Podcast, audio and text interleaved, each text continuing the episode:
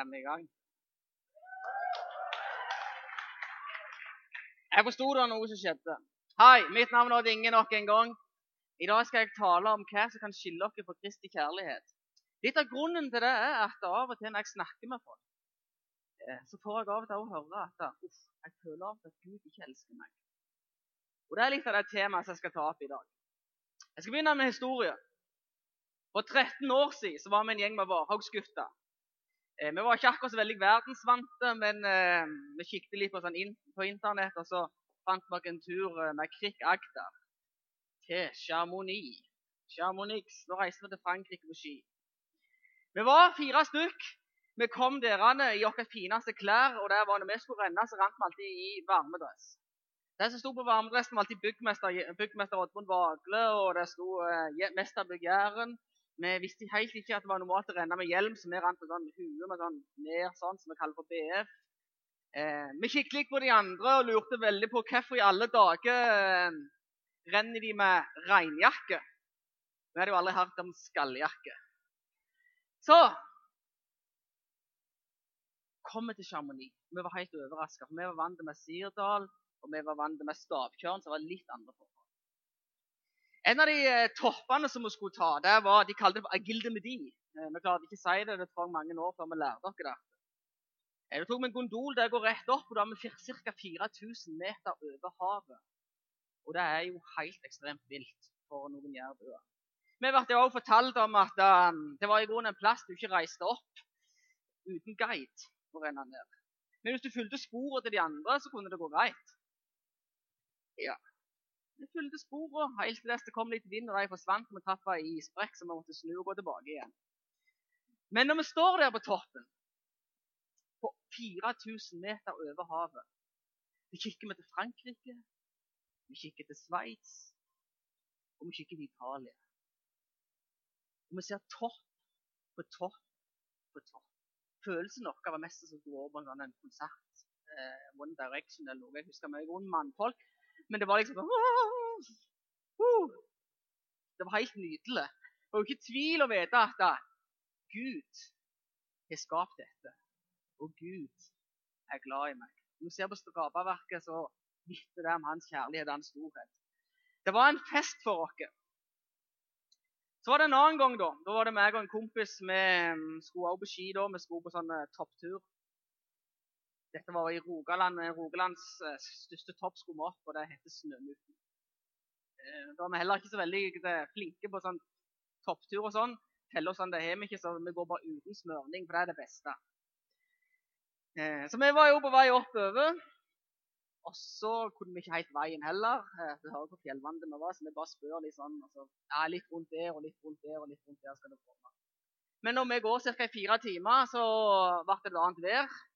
Og Så kikker vi på hverandre og så sier vi ja, det er egentlig skam å snu. Men det er egentlig ikke skam å snu allikevel når været ble sånn. Så vi rant ned igjen. Jeg kom tilbake igjen, Da hadde jeg begynt å studere og kom på skolen. og Da så jeg på sida av en annen venninne i klassen. Og den påsken så snakket hun hadde opp til Snømuten. Og da samme toppen som vi skulle, kjente jeg bare sånn Det var egentlig litt flaut å ikke komme opp. Sånn er det av og til i livet. Det er litt sånn forskjellig. Eh, av og til når vi er på toppen og merker at alt går, så merker vi at livet Nei, så er det ikke vanskelig å, merke at Gud elsker deg. Av og til når du går nedover, så kan vi av og til begynne å stille spørsmålstegn med Guds kjærlighet. I Salme 22 så står det det er sånn at eh, Av og til så føler jeg livet sånn som dette her. Jeg vet ikke om noen er enige. Men da sier salmisten Han beskriver av det mitt liv. Han sier med full passion Min Gud, min Gud, Hvorfor har du forlatt meg? Hvorfor er du så langt borte når jeg roper eh, borte når jeg trenger hjelp og skriker ut med nød? Min Gud, jeg roper om dagen, men du svarer ikke. Jeg roper om natta, og jeg får ikke ro. Jeg vet ikke om noen er kjent sånn som det der. Av og til er det utfordringer i livet. Det er skuffelser. Folk har gjort noe som du egentlig ikke ville de skulle gjøre, og du får konsekvensen. Akkurat nå snakker med veldig mye som folk som mister arbeid. Jeg har snakket med folk som har søkt ca. 1000 jobber, ikke får ikke det eneste svar. Av og til snakker jeg med folk som liksom åh, jeg skulle vært mye lenger i livet, jeg kom ikke der jeg skulle.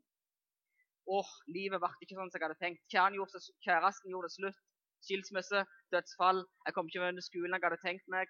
Bikkja hadde aids og beit meg i ræva.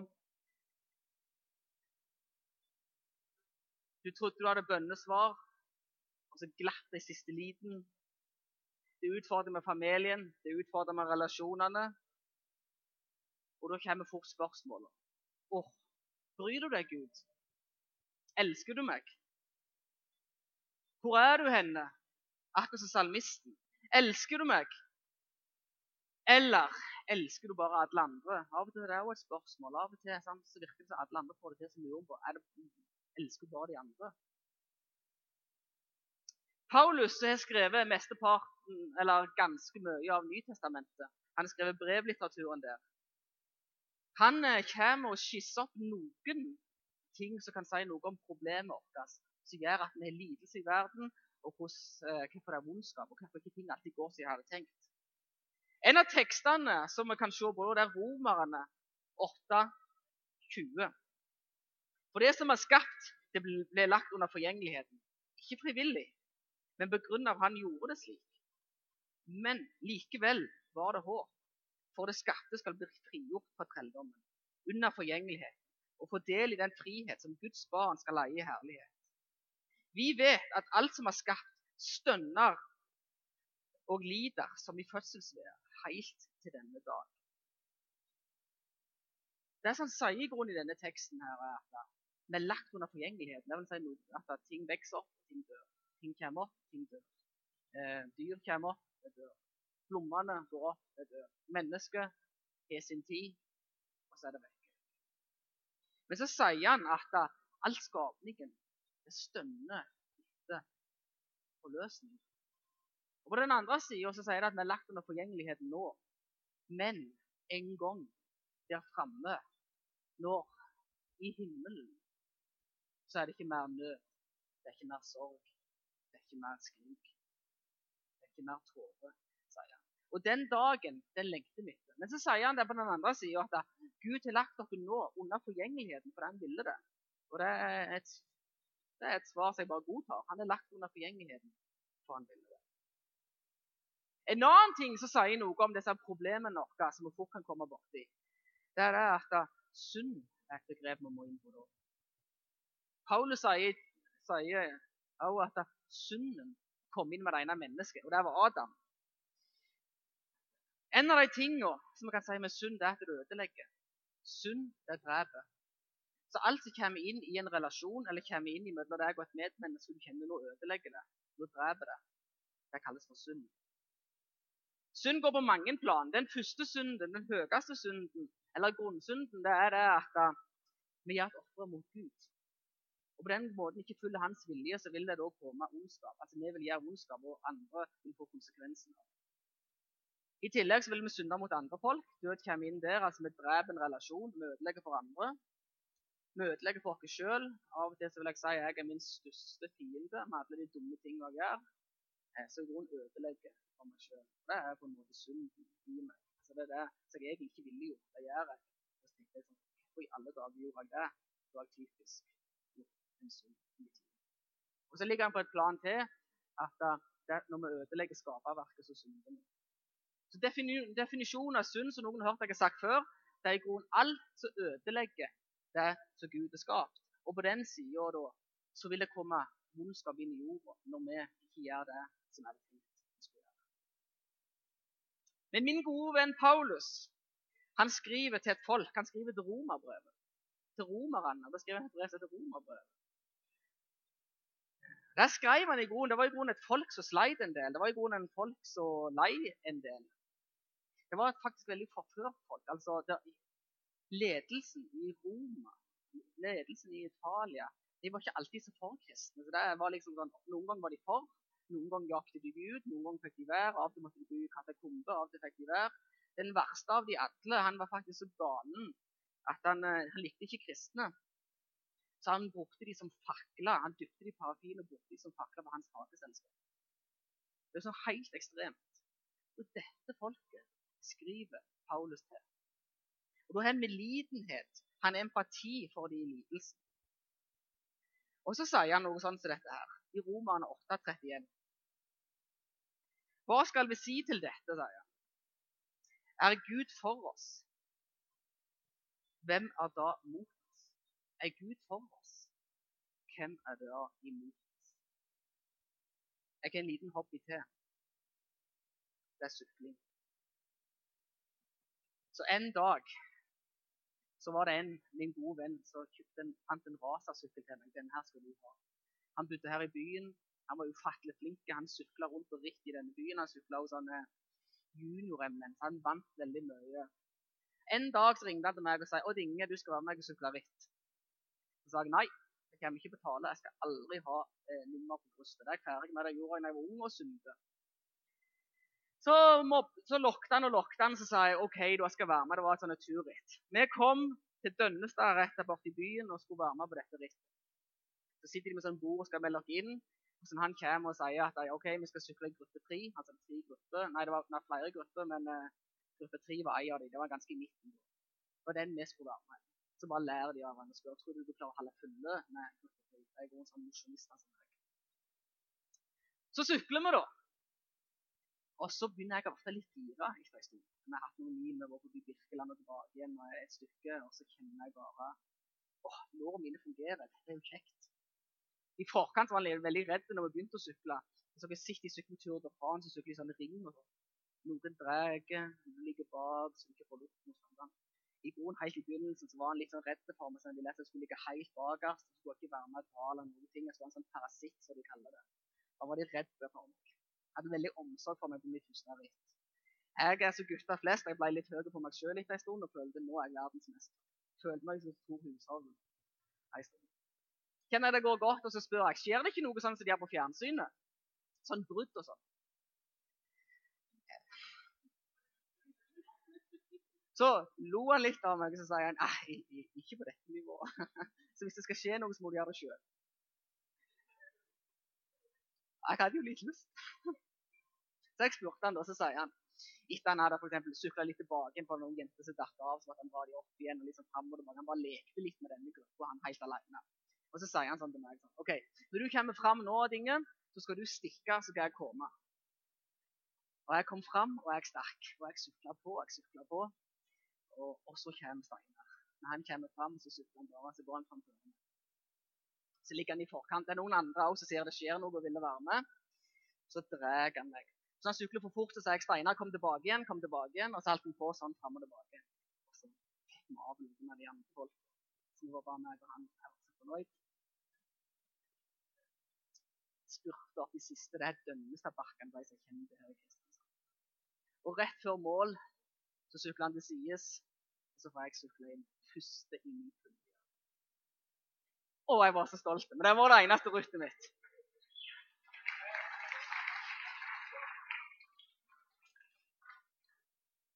Min gode venn Steinar han var for meg. Det var ikke tvil, Han ville at jeg skulle få dette til. Han ville at jeg skulle få en god opplevelse. Han ringte og sa kom du skal være med Britt. Nei, det ville jeg ikke. Han var ufattelig for meg. Han var så for meg at han lå og hjelpte meg fram. Litt sånn tenker jeg Gud er. Han er god for deg. Han er faktisk så for deg. Det står i, Matteus at han er så for deg, han vil gi deg gode gaver.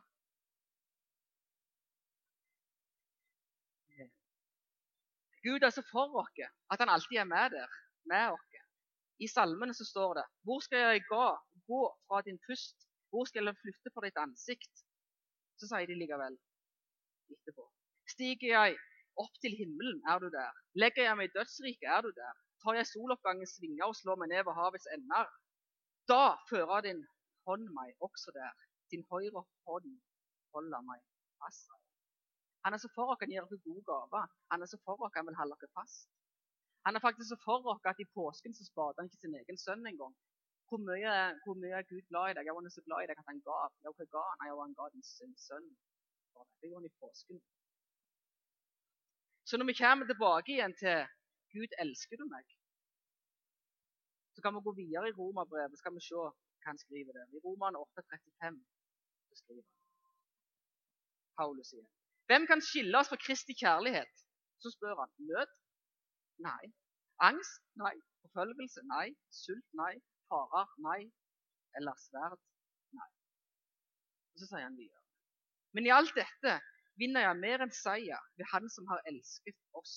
For jeg er viss på at verken død eller liv, verken engler eller krefter, verken det som nå er eller det som kommer, eller noen andre makt, verken det som er i det høye eller i dypet, eller noen andre skapning kan skille oss fra Guds kjærlighet i Jesus. Paulus er knalltydelig. Jeg prøvet folk kan si at ingenting kan skille deg. Det er noe sånn fast. Uansett hva du føler, så er det noe fast der.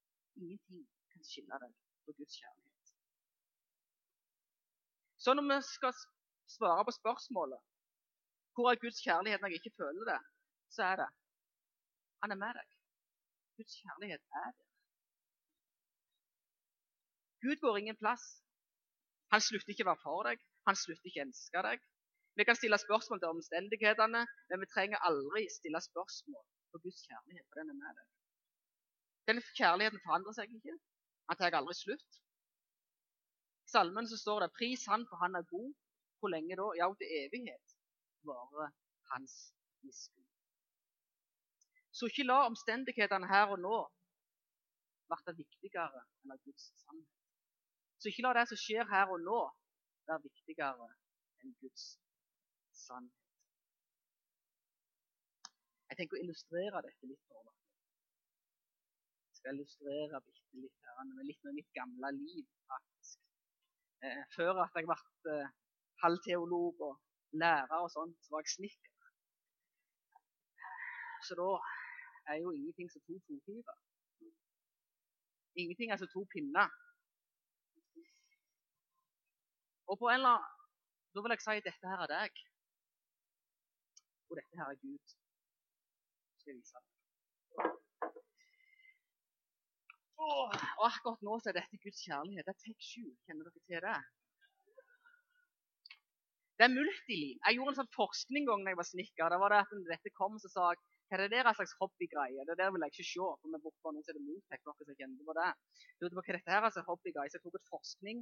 Jeg tok to pinner, limte de sammen og prøvde å fra meg dagen etterpå. Det var ganske umulig. Pinnene røk sunt. Det gikk sånn. Så jeg tenker det, at Guds kjærlighet er litt sånn som tek Det vil altså si at han limer deg. Altså Guds kjærlighet er som et liv mellom deg og Gud. Så han limer deg sånn at du blir permanent fast permanent, evig, for selv. er Guds kjærlighet. Det er noe annet med kjærligheten.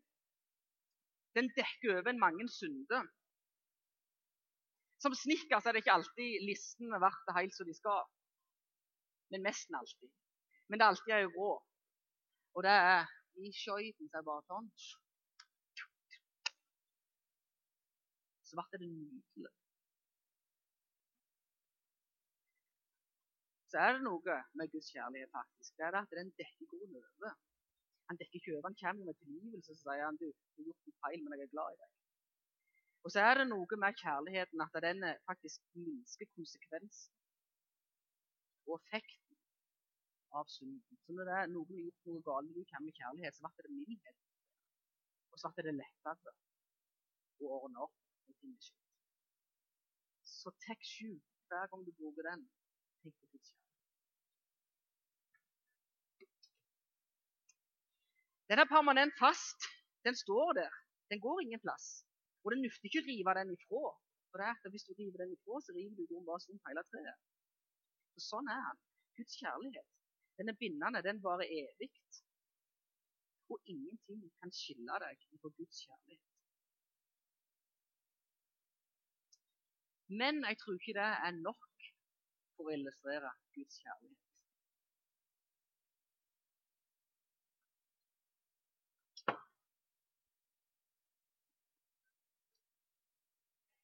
Min gode venn Attenvolds Boschen kan vise det. Det er noe med Guds kjærlighet. Det er umulig i grunnen å skille deg ifra Guds kjærlighet i Jesu Kristus. For det i groen, så går Guds kjærlighet ingen plass. Den forsvinner ikke. Det er i grunnen ingenting som kan skille deg. Hvor går Guds kjærlighet? Ingen plass.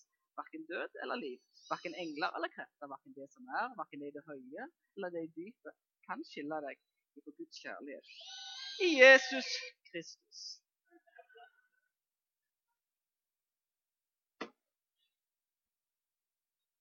Ja. Verken skuffelse, tragedie Jeg tror ikke noen kan. Ikke sykdom, ikke død. Ingenting kan skille det. For det er noe med Guds kjærlighet. Vi har lovt en evighet. Og da vil all den være egen for alltid. Hm. Jeg tror heller ikke det beskriver Guds kjærlighet. Nå har vi akkurat det gjennom påsken. Og gjennom påsken så sa jeg før at Gud ga. Hvor mye elsker han oss? Ja, han elsket det faktisk så mye at han ga. Ja, hvor mye ga han? Jo, han ga sin sønn. Så det skjedde noe. Det vil altså si at når Jesus sto hang på korset, så hadde han en spiker gjennom hver side, og det illustrerer i, i hver hånd og i føttene. Og det illustrerer Guds kjærlighet. Og hvor mye elsker Gud at Det var noe villig å dø for. Oi!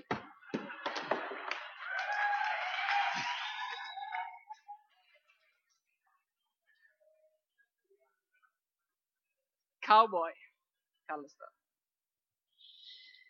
Så kommer han oss? Verken død eller liv, verken engler eller krefter. Verken det som er i det høye eller i dypet. Verken noen andre skapning kan skille oss ifra Guds kjærlighet i Jesus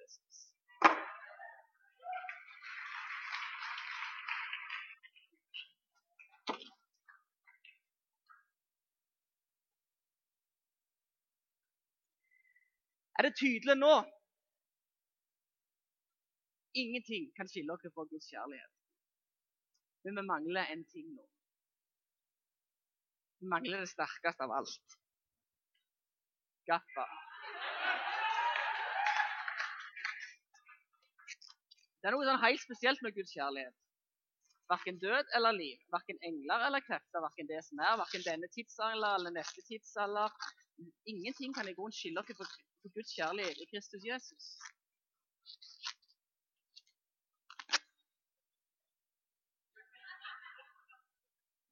Det er en nydelig lukt. Skal du dele den?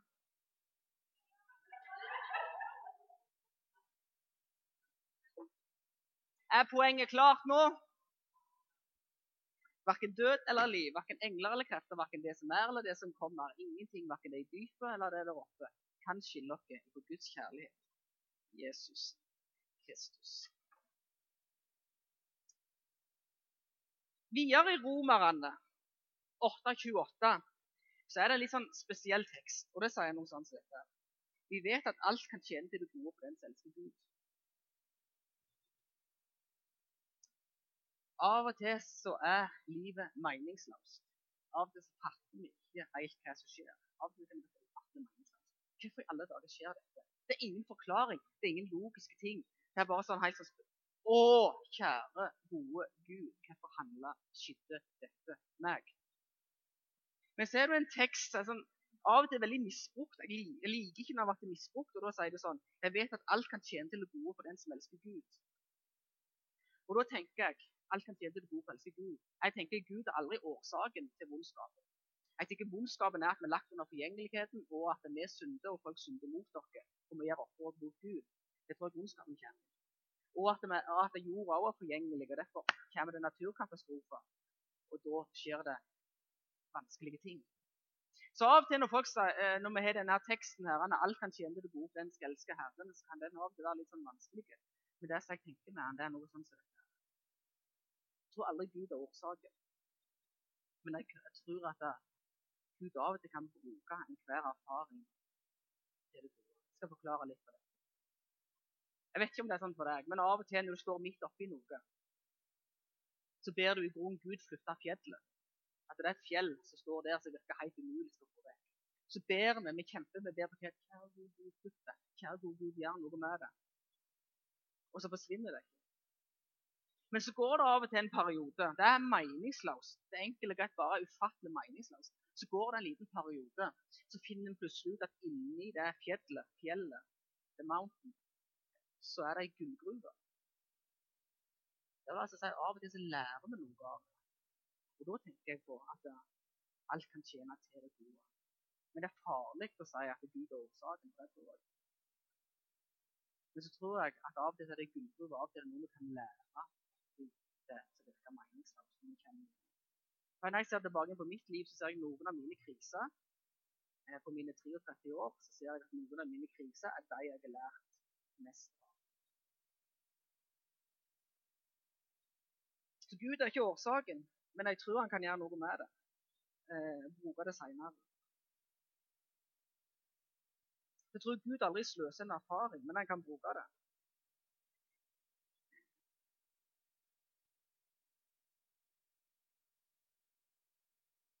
Så tilbake til spørsmålet.